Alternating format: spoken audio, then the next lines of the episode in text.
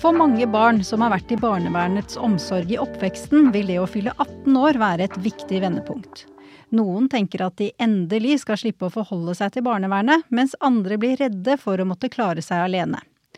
Å legge opp et ettervernstiltak som er tilpasset den enkeltes behov, kan være en stor utfordring. For 21 år gamle Adrian, som vi skal få treffe nå, var 18-årsdagen noe han gledet seg til. Han følte seg voksen, men oppdaget etter hvert at det var enkelte ting han ikke var helt moden for. Adrian Frøyen. Jeg er 21 og har vært under Humana i fem år, og tre av de har vært ettervern.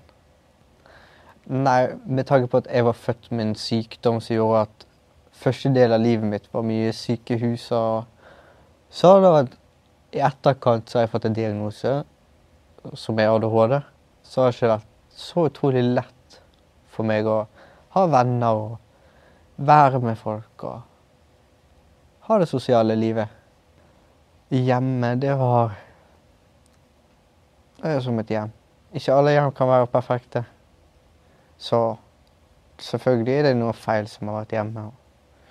Jeg vil nå tro at alle hjem har noe feil. Nei, først så flyttet jeg fra ene parten til andre parten, og så endte jeg opp på akuttinstitusjon der det var litt sånn om. Og så, etter det, så endte jeg opp på omsorgsinstitusjon. Og var der i ett og et halvt år. Og ble da flytta til en institusjon som Humana har. Og siden det så har jeg vært under Humana. Første gang jeg var på institusjon var 14, og selve institusjonen brøt loven som de skulle holde. Så det var jo ikke lett å komme inn i noe nytt og bli behandlet sånn som jeg ble behandlet. Og det blir jo lettere for hver gang jeg bytter institusjon. Og omsorgsinstitusjonen klarte ikke heller å overholde omsorgen som de skulle vise for meg. Så jeg syns det er ganske tidlig å tenke på at da jeg havnet på avfallsinstitusjon, så hadde jeg det best. Jeg følte at de ansatte så meg for den jeg var. Og om jeg gjorde noe kanskje gjorde noe dumt, men som jeg ikke visste bedre av. Så jeg ikke kunne noe for. Så jeg, bare, jeg visste at det var dumt å gjøre. Så var de der og forsto at hvorfor gjorde du det? I stedet for å straffe meg med en gang. Så det var, det var en ny opplevelse. Jeg følte at de ansatte var ikke bare ansatte, men de var mer familie og venner enn de er her bare for å være her, liksom. Det ga meg liksom håp i at dette kommer til å gå bedre.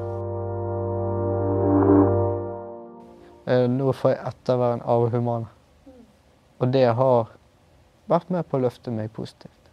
Ettervern For meg, i mine ord, så vil jeg si at kanskje jeg ikke har Kanskje jeg ikke har voksenperson som er der og ser over om jeg er på skole, eller flink på det økonomiske, eller møter opp til lege. Så har jeg gjerne den ene personen som jeg kan ringe og spørre kan du være med meg, kan du hjelpe meg. Jeg forstår ikke hva jeg skal gjøre det er ganske betryggende å ha en som er der hvis du trenger, og at den personen faktisk er der. Det er ikke sånn som Så godt eksempel som mange opplever at du bare har saksbehandler i barnevernet, så går du gjennom 20 stykker før du er ferdig. Men for meg og ettervern så har den personen alltid vært der. Jeg har aldri bytta, og jeg har aldri hatt lyst til å bytte. Jeg sa nei til ettervern en gang. For jeg tenkte at ja, kanskje jeg er klar. For da, da, var jeg litt lei. For da hadde jeg gått en stor del av livet mitt med barnevernet bak ryggen. Og så tenkte jeg ja, det kommer til å gå fint, men jeg tenkte jo hjelpen allikevel. Ettervern for meg har betydd at hvis jeg er usikker på noe, som hvis jeg skal til legen, men tør på ingen som helst måte å gå til legen fordi at det er sånn som i starten, i første året av min opplevelse med ettervern, så tørde jo jeg ikke å gå til legen om jeg skulle på Nav. Så var det liksom Jeg hadde null peiling på hvordan jeg skulle snakke eller være under disse møtene. Så å ha ettervern, å ha denne personen, det er liksom Du kan gi den personen beskjed kan du være med meg. Og så er den med meg inn til legen og er mer spesifikk. Hva er det jeg trenger, hva er det jeg må ha, og hvordan er det. Men det er jo ikke alltid man kommer overens med denne personen som man har ettervern med. Man må jo vinne tilliten begge veier. Så kanskje jeg har kastet henne ut hjemmefra, og kanskje hun har småkjefta litt tilbake fordi at jeg ikke har villet. Men man trenger jo alltid å bli pusha for å komme seg et steg videre. Så jeg vil nå si at selv om at jeg og denne personen har hatt våre konflikter, så har vi overkommet de og kommet oss videre. Og vi har det da vi er i lag og vi samarbeider om ting, så er det veldig positivt for meg. For da føler jeg at jeg blir hørt og forstått, og jeg får ting til. Og nå i seinere tid, sånn som nå har det gått tre år snart Og jeg føler jeg kan gå til legen. Jeg kan ringe legen sjøl. Jeg kan svare telefonen hvis noen ringer. Det er så mange ting jeg kan gjøre som jeg aldri kunne tro jeg kunne gjøre. Jeg kan gå på butikken uten å bli redd for at noen ser på meg for mye, eller jeg kan komme meg på skole og ta bussen, f.eks. Og busse på egen hånd. Jeg vet hvordan jeg skal betale regningene mine og gjøre dagligvareting. Det, det er en tidlig historie, det med musikken. For det, da jeg bodde på min første institusjon, så var det en som kom til meg og sa du er jo bergenser, så du burde jo, du burde jo rappe, du burde kunne det. Så han lærte meg da hvordan jeg skulle sette opp en enkel tekst og sånn. Og så gikk det videre til andre institusjoner der de hadde et lite studio. Så jeg fikk leke meg på hvis det Jeg hadde det litt vanskelig eller ikke klarte å være med andre. Og så gikk det fra der til siste institusjon jeg var på. Og der bare ble det til greia at jeg skal finne studio og lage noe musikk. Og så ble jeg sang til flere sanger. Og det har jo ikke bare vært sånn lage musikk for å ville lage musikk. Men jeg har, stort sett ikke likt å gå til psykologer og leger og sånn, for jeg føler ikke at det nytter for meg. Så da blir det liksom sånn I stedet for å skrive en tekst, så da du er i studio, så tar du bare rett for hjertet akkurat det du føler. Og får det ut om du er sur på noen, eller om du er misfornøyd med hva noen har gjort, og det plager deg, så får du det ut i din form.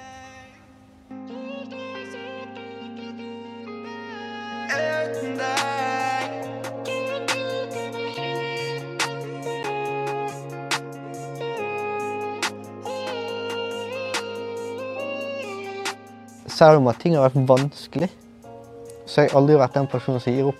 Om jeg har satt mindsettet på noe, så skal jeg få det til. Jeg, jeg har bare alltid vært sånn. Om jeg skal gjøre den tingen, så skal jeg fullføre 100 Jeg skal ikke gå halve veien og altså gi opp. Sånn som sånn som ettervern, f.eks. Så fikk jeg tilbud om det da jeg skulle flytte fra institusjonen og var ferdig med det. Så sa jeg at nei, det skal skje. Har ikke lyst på det. På ingen som helst måte. Og det er sikkert mange som har hatt det sånn. Bare så tenkte jeg sånn Sånn som jeg pleier å si. Hvorfor ikke? For da hadde jeg liksom forsikra meg om at går det ikke for meg, så kan jeg si nei, liksom. Det var ikke du sånn Du skriver en avtale på så og så lang tid, og så må du ha det. Så da sa jeg hvorfor ikke. Og så fikk jeg jo at det var. Og det samme som da jeg begynte på denne skolen, så spurte jo hun så er jeg med meg i ettervernet, om skal ikke vi ta en tur på skolen. Du bare hadde noe å gjøre på, liksom. For da satt jeg hjemme i stuen. Gjorde ingenting. Ingenting med livet. Jeg bare satt stille på samme plass. Og så sa jeg nei, jeg har ikke lyst. Og så ble jeg med på skolen, og så endte jeg opp med det igjen. da.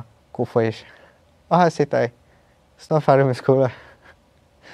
Kanskje du er lei av å ha en del mennesker rundt deg, og lei av å se papirene som kommer, og alt du må lese, alt du må gjøre. Så det er alltid viktig, alltid viktig å si ja til all hjelpen man kan få. For det, det er bare deg sjøl som kan løfte deg, men det er andre som kan være med å løfte deg samtidig.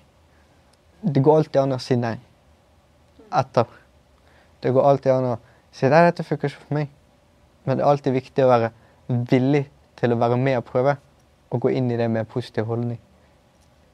La oss si fem år tilbake, så Hvis jeg skulle sett tilbake til nå, der jeg er nå, så hadde jeg aldri trodd at jeg er der jeg er.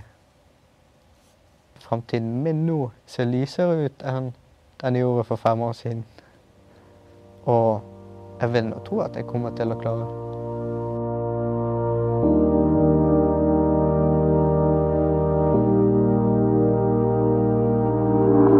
Nina Nyberg, du er leder for familiehjem og hjelpetiltak i Region Vest eh, i Humana omsorg og assistanse, og har i tillegg jobbet tett med Adrian og hans ettervern. Hva er det som gjør at dette har endt opp som en vellykket historie? Åh, det er vanskelig å svare på. Um, det er nok mange ting som gjør at dette ble, fikk et lykkelig uh, utfall. Um, så det er vanskelig å trekke frem en konkret uh, ting. Men men eh, relasjonen vår, den relasjonen vi fikk eh, i en tidlig fase, eh, den er avgjørende. Vi hørte her at han var en av dem som egentlig var glad for å slippe å være under barnevernets omsorg da han fylte 18. Er det mange som er det? Ja, eh, min erfaring tilsier at det er mange som ser fram til å bli 18 og skal slippe eh, barnevernet. Eh, og Adrian er jo en av de, og gledet seg til å skulle slippe å forholde seg til ulike saksbehandlere, som dessverre ofte byttes, eh, og papirer. Eh, ja, mye som han gledet seg til å, å, slippe, og skulle bare få lov til å være Adrian og være voksen. Ja, for han tenkte i utgangspunktet at han ville klare seg selv? Han skulle klare seg sjøl, det var ingen problem. Og det mm, klarte han ikke. Hvordan skal man, altså, skal man da klare å hjelpe de som egentlig ikke vil ha denne hjelpen? Altså, det er jo Jeg tenker altså når et barn er plassert på, på institusjon, så er det jo der man starter det arbeidet med å presentere dette med ettervern. Eh, og prøve å, å, snakke positivt om hvordan ettervernet kan eh, hjelpe ungdommen til å klare det voksenlivet som venter de utenfor institusjonen. Um, så, så, så, der starter jo det arbeidet. Uh, og så er det jo denne overgangen fra institusjon til ettervern må være smidig og god. Så der må de voksne samhandle. Er det mange av de som ikke vil ta imot ettervern, som, eh, hvor det viser seg at de ikke klarer seg, eller er det Det tror jeg. Altså Statistisk sett så tror jeg at det er mange som kunne kanskje hatt veldig nytte av ettervern, men uh, har valgt det vekk av, av ulike grunner, da. Mm. Men nå endte jo Adrian med å ta imot hjelp. Um, uh, hva er det konkret Altså hvordan legges et sånt ettervernstiltak opp helt konkret? Altså da, Man tar jo utgangspunkt i, i ungdommens eh, Altså i den enkelte ungdommen. Eh, og de, de, kommer jo ikke som en ferdig pakke. De har jo ulik utfordring, ulik erfaringsbakgrunn. Så de har ulike behov. Og, og det vi gjør, det er jo å eh, knytte eh, den, altså en, den tiltakspersonen vi tenker eh, vil passe best til den enkelte ungdommens utfordringer og ønsker. Sant? Ungdommen har jo òg kanskje noen ønsker om at de ønsker en miljøterapeut som kanskje eh, spiller fotball, eller en som er interessert i gaming, eller eh, ja, hva det måtte være. Så den matchingen blir jo, blir jo viktig, da. For hva er det disse 18-åringene trenger hjelp til? Åh, det kan jo være så mangt igjen, da. Eh, men jeg tenker økonomi er nå én ting. Eh, det å bo Eh, det å ikke ha noen som kommer og, og rydder opp etter deg, eller at du hele tiden blir Altså, på institusjoner og sånn, så har du ofte regler om at du skal vaske eh, hver uke, eller eh, at rommet skal være ryddig hver dag, eller at noen påser at du går, kommer deg på skolen, at de hjelper deg å følge opp legetime, følger deg til BUP. Og når ungdommen da flytter gjerne i leiligheter, så skal de klare dette selv. Og blir, den overgangen blir for vanskelig for, for veldig mange. Så, så, det er jo egentlig ting som man hjelper eh, andre ungdommer med. Altså, andre ungdommer i samme alder har behov for akkurat de samme tingene som de får av sine omsorgsgivere hjemme, da. Ja, for hva, hva slags hjelp er det dere da kan tilby dem? Altså, da kan jo vi tilby eh, å være den eh, erstatningen, da. Eh, og sånn som for Adrians tilfelle, så var det jo viktig å, å, hjelpe han i gang med noe. For han hadde ingenting. Han flyttet jo fra en kommune et stykke unna, eh, og han ville hjem igjen. Til sin hjemkommune. Eller til sin, sine hjemtrakter, da. Så, eh, så, da var det å, å, få eh, hjelpe han i gang med noe. Men så han hadde jo ikke noen sånne konkrete ønsker om at han ville Han ville egentlig jobbe, men uh, han var ustrukturert uh, når han kom. Eh, så, så, det så vi fort var, kunne bli vanskelig. Ville ikke gå på skole. hadde ikke noe interesse av å følge opp BUP-timer og så, så det, var, det, var, et stort stykke arbeid med, med, motivasjonsarbeid som måtte til i starten der. Mm. Ja, for et tema for mange av ungdommene som har vært under, eller er under barnevernsomsorg, er jo at de ikke har hatt normal skolegang. Mm.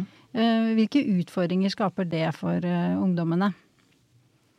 Altså det Den største utfordringen er jo den marginaliseringen, sant. At de, um, de havner i et utenforskap.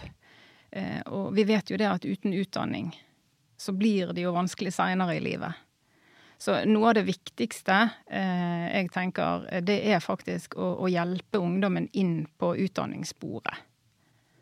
Um, Hvordan gjør dere det?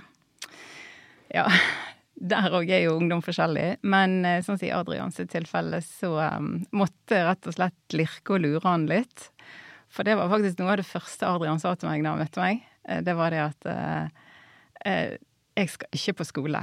Uh, det er helt uaktuelt. Og da har han hatt mange tapsopplevelser opp igjennom med skole og følt at han ikke har mestret det. Så jeg skjønte det.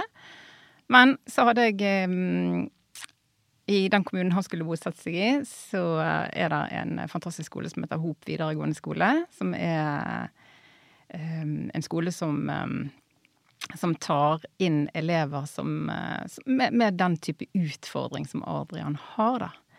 Så det var de, de jeg hadde i tankene, og arrangerte et møte faktisk med rektor eh, om sommeren der. Og rektor, rektor, hadde ikke gått på ferie. Så fikk jeg eh, Adrian med ut på den skolen, bare for å se, bare for å hilse. Skulle ikke gå på skolen, skulle ikke søke der, men han skulle bare få se. Og det endte faktisk med at han ble så begeistret at han sa at Nina, tror du vi kan søke? Så ja, det gjorde vi. Han kom ikke inn på den linjen han ville, men han kom inn på overtid um, på en restplass, og, og, og, begynte der så smått. Så han har uh, ja. Hva er det da med den skolen som uh, ikke gjelder andre skoler? Åh, den skolen uh, kan jeg snakke mye varmt om. Eh, de er mindre klasser, og de ser den enkelte elev. Og det sier jo Adrian sjøl noe om. Eh, det at han blir sett. Eh, det at han eh, får anerkjennelse for den han er. Um, og så er det sant, De spiser sammen med elevene. De spiser lunsj med elevene. Så de, de jobber mye eh, for miljøet, da. Ja, for eh, helt generelt, hva er det som skal til for at uh, de skal klare å gjennomføre et utdanningsløp? For dette her gjelder jo ikke bare uh, Adrian. Nei, altså det som skal til er jo altså Det er jo en stor grad av, av motivering, sant. Og så må de jo være De må jo føle at det OK å være på skolen. Og det var jo det Adrian opplevde på Hop videregående skole, at det var et godt sted å være. Selv om han, eh, han mestret ikke så godt det første året han gikk der. Da, da klarte han Fikk ikke karakter i alle fag. Men det var ikke så viktig, for han hadde gjort seg noen gode erfaringer med å faktisk være på den skolen. Det var begynt å bli trygt. Det var noen trygge voksne der som, eh, som han følte um, aksepterte han. Eh, så når han da søkte eh, året etter, og kom inn på den linjen som han ville, så eh, ble det helt annerledes. Så da gikk han VG1 og VG2 på den linjen. Og er ferdig med de to, nå, nei, de to årene nå, og er klar for læreplass. Så det er jo fantastisk. Mm. Adrian forteller at han komponerer sin egen mus... Eller sin, e- han driver med musikk. Mm. Uh, dette var noe han ble introdusert til uh, gjennom uh, altså to eller til og med tre av de institusjonene han mm. bodde på. Han har bodd på flere institusjoner. Mm. Um, så dette var jo noe han ble oppmuntret til Mm. på institusjonen. Hva, hva er det som er viktig med det? Å, å, bli, å, å vekke interesse for Altså finne interesse for sånne ting som f.eks. musikk. Jeg tenker eh, spesielt for Adrian sin del, så var det det å kunne få utløp for tanker og følelser gjennom musikken. Um, han syntes det var vanskelig å sette ord på, på ting uh, ved å snakke med en psykolog eller lege eller Så han syntes det var lettere å få utløp for følelser uh, gjennom musikken. Så det, det har vært god eh, terapi for han. Ja, for det, det med å finne en sånn interesse som det han har, eh, hvordan påvirker det generelt altså ungdommer i en sånn situasjon som mange av disse barnevernsbarna er i, som faktisk skal prøve å finne ut hva de, hva de er gode på, f.eks.? Altså det er jo Det handler jo mye om, om eh, mestringsfølelse. Det å oppleve eh, mestring, det å oppleve at jeg får til noe. Eh, Det å få anerkjennelse for noe jeg gjør. eh, Det syns jeg er kjempeviktig. Så eh, uavhengig av hva interessen måtte være, så er det noe Så, er det viktig på en måte den som skal følge i ettervernet, og ta del i den interessen. Og støtte og backe opp under. Ja, sånn at ungdommen kan oppleve den positive mestringen. Du har fem konkrete eh, metoder eller tips til hvordan man kan bygge opp et slikt ettervern eh, for, for ungdom. Kan du si litt mer om det? Altså Det som jeg tenker er, er det viktigste, det er, det er jo den matchingen vi, vi gjør i, i utgangspunktet. Eh, at vi matcher riktig eh, miljøterapeut opp mot, eh, mot ungdommen. Så det er kjempeviktig. For å bygge en god relasjon? Som du Ja, om i for å ha en, en god, eh, god start, da. Best mulig start. Og så er det jo dette med relasjon, sant.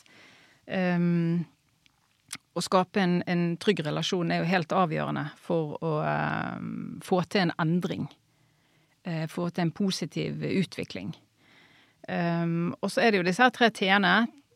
Ting tar tid, og, og det må vi klare å stå i. Eh, det at, eh, at vi Altså, dette er barn eh, som ofte har opplevd relasjonsbrudd og, og har dårlig relasjonserfaring. Em, så det med tillit, at de stoler på at du faktisk er der, og at du faktisk blir stående der, det er det dessverre mange som har en dårlig erfaring med. Så der, det må vi være bevisst. Så det tenker jeg er veldig viktig. Eh, og, og det med å, å være en god lytter, og, og la ungdommen eh, være sjef i eget liv. Eh, og med det mener jeg at ungdommen må få eh, sitte Altså ta styringen sjøl på livet sitt, og så må vi sitte i passasjersetet og rett og slett bare være en sånn kartleser og guide i riktig retning. Men at de føler at du kan være med på når de feiler, og at de kan evaluere på en måte sine egne feil, og så rette opp igjen. Eh, det tenker jeg er, er kjempeviktig. Eh, og så er det jo dette her med å være en stillasbygger. Eh, for ofte så er det jo eh, har, har jo ikke ungdommen bare behov for en miljøterapeut, men kanskje andre instanser rundt. Eh, og sånn som for Adrians tilfelle, så bygde jo vi opp et stillas med eh, skole, vi hadde fastlege, vi hadde Nav, og vi hadde barnevern, og ja, det var vel de som var rundt han eh, en periode. Og, og etter hvert som eh, Når han eh, får til mer og mer sjøl, eh, og instansene eh, Det er ikke behov for disse instansene lenger, så bygges jo på en måte stillaset ned, og da står han mer og mer stødig i sitt eget liv.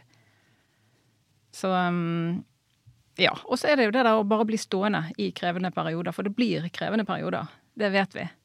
Og, og da må man bare være stødig. Adrian hadde jo en oppfordring til andre om å ta imot den hjelpen de kan få. Hva vil du si til det? Ja, jeg støtter han i det. Mm. Absolutt. Og, og, eh, sånn som for Adrian sin del, så Han sa jo opp eh, sitt eh, tiltak etter eh, Første gang etter Jeg tror det var et år. Da var han ganske lei. Og så eh, sa jeg ja, men det, det er helt greit. Da, så han fikk si opp tiltaket sitt, og så gikk det Jeg vet ikke om det gikk to måneder. Da var han på telefonen og lurte på om han kunne få det tilbake igjen. Så da måtte han søke barnevernet om å få ta opp igjen tiltaket. Og, og det fikk han. Og, og, der er vi i dag, da. Så det er lov å ombestemme seg? Det er lov å ombestemme seg. Mm. Og jeg tenker at akkurat det han gjorde der, det var viktig for han der og da. Han måtte ha den erfaringen på at dette får jeg ikke helt til aleine. Jeg trenger den støtten eh, en stund til. Mm. For det gjelder vel ikke bare han, det gjelder vel også veldig mange av de andre? Det vil jeg tro gjelder mange. Mm. Tusen takk til deg, Nina Nyberg, leder for familiehjem og hjelpetiltak i Region Vest. Mitt navn er Hanne Borgen Asnes. Du har hørt en podkast fra Humana Innsikt. Besøk gjerne vår nettside humananorge.no, eller følg oss på sosiale medier ved å søke opp Humana omsorg og assistanse. Ansvarlig redaktør for podkasten er marked- og kommunikasjonsdirektør Hans Henrik Sørensen. Likte du det du hørte, er det hyggelig om du anbefaler podkasten videre til andre.